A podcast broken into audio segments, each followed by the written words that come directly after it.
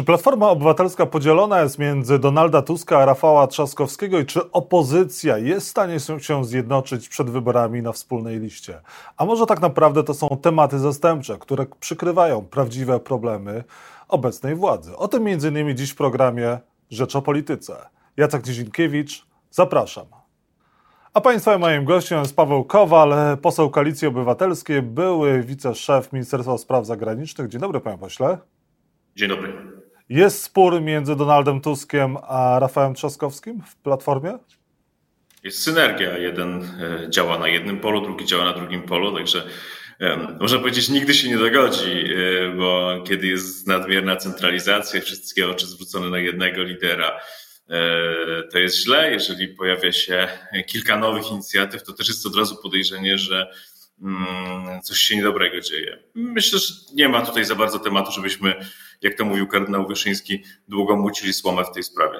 Wiadomo, że Platforma Obywatelska jest sama bardzo złożonym bytem, ma wielu ciekawych liderów. Koalicja Obywatelska dodatkowo jeszcze innych ciekawych polityków. Każdy z nich ma jakąś swoją charyzmę, swój styl bycia. No i tak musi być, bo ludzie muszą mieć też e, takie poczucie pewnej różnorodności. A ile prawdy jest w spekulacjach, że prezydent stolicy i wiceszef Platformy Obywatelskiej miałby odejść ze swojego ugrupowania i w przyszłości zostać e, premierem, co mu zaproponował Szymon Hołownia? ale już teraz naprawdę za, za daleko mnie pan wyciąga. Nie, nie sądzę, że w tym było cokolwiek prawdy, ale też powiem panu szczerze, ja się strasznie mało takimi rzeczami zajmuję, bo oczywiście wiem, że to jest ważne, że mamy iść wspólną listą i że ludzie tego chcą. Wiem, że to jest ważne, żeby mm, główna partia mm, na tej liście, czyli Platforma Obywatelska, była silnym ugrupowaniem, no bo od niej zależy byt y, opozycji w, dużym stopniu, ale też mam wrażenie, że czasem trochę nucimy ludźmi tymi takimi personalnymi e, rozważaniami, co kto z kim. E, no to są fantazje, jakieś fikcje. No ale to nie jest tak, że to wy, wy, wy, wywołujecie te fantazje i te fikcje, bo mówicie cały czas o tej jednej wspólnej liście. Platforma cały czas mówi, że powinniście pójść na jednej liście. E, no a przecież e, wyborów chyba w najbliższym czasie nie będzie i będą one prawdopodobnie w tym terminie konstytucyjnym. Wszyscy nasi słuchacze, widzowie i czytacze, którzy nas e, śledzą, widzą, że to pan to wszystko wywołuje. Naprawdę, nie biorę na siebie ani jednego procenta winy. I, I ostrzegam pana, że zaraz się wszyscy wyłączą, bo się znudzą naszą dyskusją. Nie wiem, czy Polaków aż tak bardzo interesuje, żebyśmy cały program poświęcali na omawianie plotek warszawskich.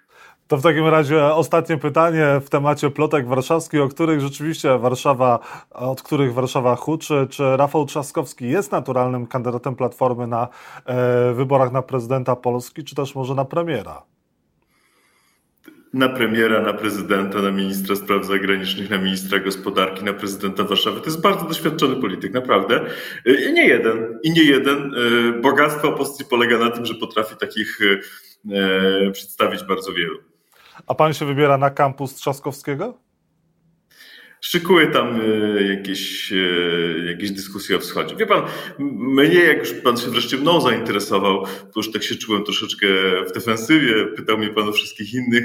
Mnie od kilku miesięcy naprawdę zajmuje polityka wschodnia. Uważam, że w polityce wschodniej jest ukryta przyszłość gospodarcza Polski i, i naprawdę mówimy o, e, o tym, jak będzie Polska wyglądała. To znaczy, że w polityce wschodniej jest ukryta przyszłość gospodarcza Polski. Jak pan mógł rozwinąć tę myśl? Pod każdym względem. Jeżeli dzisiaj pod, pod, zapadnie decyzja i realnie zostanie wykonana, że Ukraina wchodzi do Unii Europejskiej, to to będzie jeden z najważniejszych procesów. Polska przestanie być krajem e, frontowym Unii Europejskiej i NATO będziemy inaczej musieli podejść do środków unijnych, będziemy musieli zobaczyć szansę na rozwój także we współpracy gospodarczej z Ukrainą. Teraz się kształtuje mm, to, jak będzie wyglądała odbudowa Ukrainy. Teraz jest czas na polskie firmy rodzinne, teraz jest czas na polski biznes, teraz jest czas na polskie samorządy, żeby weszły ze swoimi inwestycjami do miast ukraińskich. Teraz jest czas na wymyślenie, jak ma wyglądać fundusz odbudowy Ukrainy. Teraz jest czas na to, żeby docisnąć naszych partnerów na Zachodzie, żeby Ukraina była przyjęta do Unii. I mówiąc szczerze, ja od 85 pięciu czy sześciu dni, od kiedy trwa wojna, właściwie jestem tylko na tym skupiony, dlatego z takim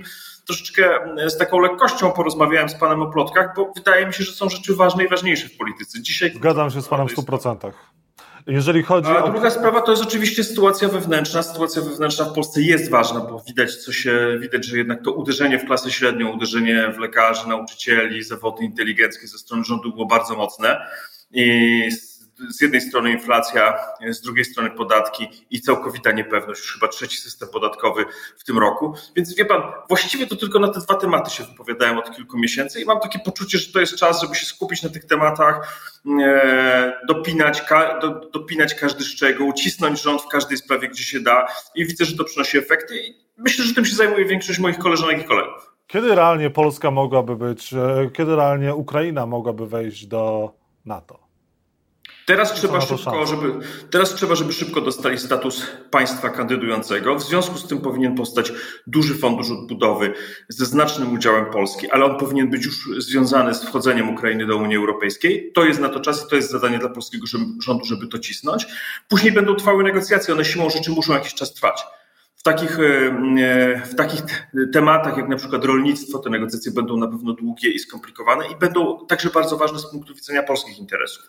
Jak ułożyć relacje w tej części Europy gospodarcze. Ale trzeba wykonać koniecznie gesty polityczne już teraz. To jest najważniejsza sprawa, żeby Ukraińcy, którzy walczą w Donbasie, ta wojna jeszcze nie jest wygrana, dostali sygnał, że ich miejsce już tym razem naprawdę jest w Unii. Moja propozycja prosta, udało mi się już zapalić do niej trochę polityków w Polsce i myślę, że poza Polską też, wprowadzić przedstawicieli Ukrainy do Komitetu Regionów Unii Europejskiej, to jest takie formalne ciało, a także przedstawicieli Ukrainy jako stałych reprezentantów, obserwatorów do Parlamentu Europejskiego. Te rzeczy można już robić. Czyli trzeba wykonać gesty polityczne, żeby Ukraińcy byli pewni, że to już jest na pewno ta rozmowa.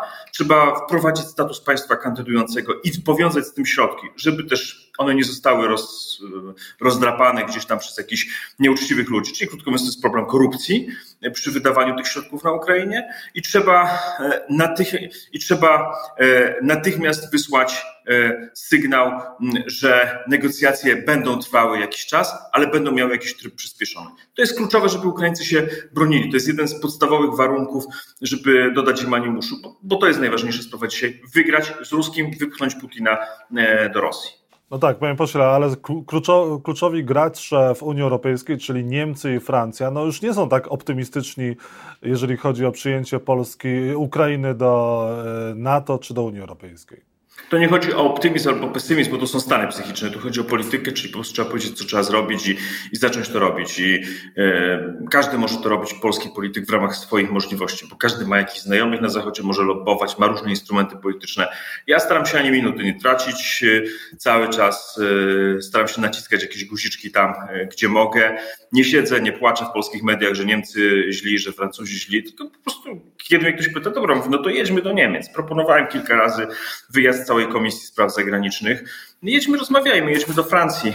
Oni mm, czasami oczywiście mają złą wolę, bo mają swoje interesy, a czasami nie rozumieją pewnych zjawisk i naszą rolą jest to wyjaśniać. Tam, gdzie mogłem, zrobiłem, będę dalej robił. Byłem w Stanach długo, pojeździłem po różnych e, spotkaniach, gdzie można było to powiedzieć, perswadować i widziałem, że jak się mówi, jak się przekonuje, kiedy się ma argumenty, to działa. Panie pośle, ale realnie jaka jest perspektywa czasowa, e, kiedy Unia, e, kiedy w Unii Europejskiej i w NATO Ukraina mogłaby się znaleźć? Realnie, jeżeli pan mógłby powiedzieć, kiedy to mogłoby nastąpić?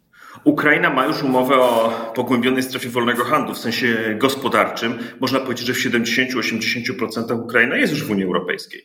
Dlatego, że wiele rzeczy jest wynegocjowanych. To jest bardzo szczegółowa umowa, o czym wszyscy trochę zapominają. Oprócz tego ma umowę stowarzyszeniową, więc pewne rzeczy są już załatwione. To nie jest tak jak negocjacje polskie kiedyś. Ja, ja zakładam, że 6, e, 5 e, lat, 7 może, to jest czas na dopięcie wszystkiego, ale w tym czasie musi być już status kraju członkowskiego, kraju kandydującego, musi być już fundusz odbudowy, Muszą być już duże programy antykorupcyjne i walka z oligarchią w tej powojennej e, Ukrainie. Ukraińcy muszą czuć, że ta Unia Europejska to jest dla każdego Ukraińca, a nie tylko powiedzmy tam dla grupy e, najbogatszych Ukraińców. Te rzeczy można już teraz robić, ale najważniejszy sygnał dla tych, którzy walczą w Donbasie, że walczą za Europę, walczą za Zachód, w związku z tym ich miejsce w Strasburgu czy Brukseli jest już pewne, a do, do gadania pozostają pewne szczegóły tylko.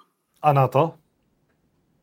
No to szybciej, jak patrzymy, jak wygląda ukraińska armia, to chyba każdy rozumie, że mm, e, nawet najwięksi sceptycy, nie mogę powiedzieć kto, ale jest jeden z moich znajomych, y, znany dyplomata, który mi zawsze mówił, do NATO oni nigdy nie wejdą, a ostatnio spotkaliśmy się, e, spacerowaliśmy i on mówi, słuchaj, do NATO to oni mogliby faktycznie już teraz wejść. Bo nagle świat zobaczył, że reformy w armii E, ukraińskie po 2014 roku doprowadziły do tego, co teraz, no bo chyba nikt nie wierzy w to, że Ukraińcy wygrywają dlatego, że jakaś babcia dodała e, trucizny do pierogów. Ukraińcy no, Ale nie mogliby, wejść, nie mogliby wejść do NATO, skoro w, na terenie Ukrainy są działania zbrojne. Bez przesady, panie redaktorze. Trzeba trochę. To są czasy, kiedy wygrywają ci, którzy mają wyobraźnię polityczną. Po pierwsze, były już różne sytuacje z NATO, jak na przykład e, kwestia e, na, na, na Morzu Śródziemnym, e, Grecja, Turcja i tak dalej. Były, były różne konflikty i problemy. Jak się chce, to się je przekroczy to jest czas dla ludzi z wizją polityczną, bo to jest czas dla ludzi, którzy potrafią sobie wyobrazić, że nie będzie imperialnej Rosji, że Ukraina będzie szybko rozwijającym się krajem, jednym z najsilniejszych państw, na przykład jeżeli chodzi o rolnictwo, i trzeba się zastanowić, jak wtedy będzie wyglądała Europa Środkowa. To jest czas, kiedy możemy sobie wyobrazić, że także Federacja Rosyjska nie będzie istniała na wieki wieków, tylko że się w jakimś stopniu rozpadnie. Wygrają tę potyczkę politycy, tę potyczkę, która się toczy gdzieś w salonach dyplomatycznych obok wojny, która się toczy na Ukrainie, wygrają ci, którzy mają wyobraźnię. Polska też dzisiaj potrzebuje polityków z wyobraźnią. Zostały nam dwie minuty, czyli pan podtrzymuje, że y, Ukraina w NATO mogłaby właściwie być już teraz. No w takim sensie teraz, to nie jest nigdy takie teraz. Jeżeli mówię teraz, to znaczy, że w ciągu roku, dwóch lat Ukraina może być partnerem, może być członkiem NATO, bo dzisiaj jest realnym partnerem NATO. Proszę zwrócić uwagę, jeżeli dzisiaj świat patrzy z podziwem na to, jak jest zorganizowana armia ukraińska, jak jest dowodzona, jak jest przeszkolona, jakie ma możliwości, no jednak to, co się teraz dzieje, przekroczyło wyobraźnię naprawdę wszystkich możliwych analityków. Dwie kwestie dotyczące wyobraźni i tego, że trzeba mieć dużą wyobraźnię, żeby to się w dalszym ciągu działo. Dlaczego Polska Polska w e, dalszym ciągu robi interesy z Rosją, e, kupuje towary z Rosji, między innymi na przykład gaz. Polska musi być w awangardzie. Ja to cały czas mówię. Nie, powin, nie, nie, nie powinniśmy, to powinno być natychmiast zamknięte, cała ta transakcja z, z Węgrami, jeżeli chodzi o Lotos, dlatego że Węgry są dzisiaj e, ekspozyturą Rosji w Unii Europejskiej. To jest dzisiaj problem. To nie chodzi, wszyscy wiedzą, że Węgry blokują sankcje. Dla, nie dlatego, że tam gdzieś na Węgrzech są jakieś problemy polityczne, tylko wszyscy czują, że to jest sterowane z Kremla. Czyli Polska powinna się wycofać z tej transakcji dotyczącej e, sprzedaży Lotosu Mol. Natychmiast wycofać. Polska się powinna wycofać z tej transakcji, pierwsza wprowadzać sankcje i cisnąć inne państwa, żeby to robiły, ponieważ rząd polski na te czasy powinien rozumieć, że to jest dla nas szansa na miarę 300 lat od nowa zbudować relacje z Ukrainą. To nie znaczy, że one będą bardzo dobre. Będą różne problemy, ale można od nowa ułożyć relacje w tej części Europy. Ale do tego trzeba odwagi, do tego trzeba czasami powiedzieć pierwszemu, ja idę najdalej, bo mam w tym naj, największy interes. To nie jest kwestia sentymentów i emocji, to jest kwestia interesów Polski, o które trzeba teraz zadbać. Druga kwestia. Po uchwaleniu projektu prezydenta Andrzeja Dudy o zmianie ustawy o Sądzie Najwyższym powinno dojść do wypłaty środków e, z KPO dla Polski. To wystarczy. Komisja Europejska po uchwaleniu tego projektu powinna być zadowolona, przekonana i te środki powinny popłynąć? Proszę o krótką odpowiedź. Robimy wszystko, co możliwe, składamy poprawki, będziemy jeszcze składali. Ten projekt jest wciąż zły i za to w całości podnosi odpowiedzialność rząd. Nie Koalicja Obywatelska będzie głosować za tym projektem? Na tym etapie on jest zły, będziemy jeszcze składali poprawki, robimy co możemy, staramy się pomóc, nie, nie pomóc tej władzy, tylko pomóc Polakom, żeby dostali środki, które większość państw europejskich już dawno dostała. Zaczęliśmy od ploteczek i na ploteczkach skończymy. Ile prawdy jest w spekulacjach, że prezydent e, Andrzej Duda, jak już zostanie prezydentem i gdyby Prawo i Sprawiedliwość straciło władzę, to mógłby zostać ewentualnym ambasadorem Polski na Ukrainie? Nie mam zielonego pojęcia. Nie układam kariery Andrzejowi Dudzie. Życzę mu, żeby resztę prezydentury, którą mu została, spożytkował dobrze w interesie kraju, bo często był bardzo partyjnym prezydentem.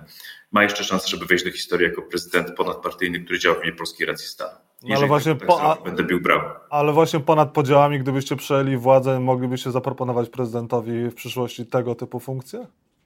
Prezydent ma wszystkie instrumenty w ręku. Prezydentowi jest tak łatwo ma wszystko, może zrobić dużo dobra i dziwię się, że nie robi, ale widzę też pewną zmianę. Trzymam kciuki, żeby został naprawdę prezydentem, który pilnuje polskiej racji stanu w bardzo trudnym okresie, który daje ogromne szanse naszej ojczyźnie. Paweł Kowal, Koalicja Obywatelska był Państwa i moim gościem. Bardzo dziękuję za rozmowę. Dziękuję bardzo.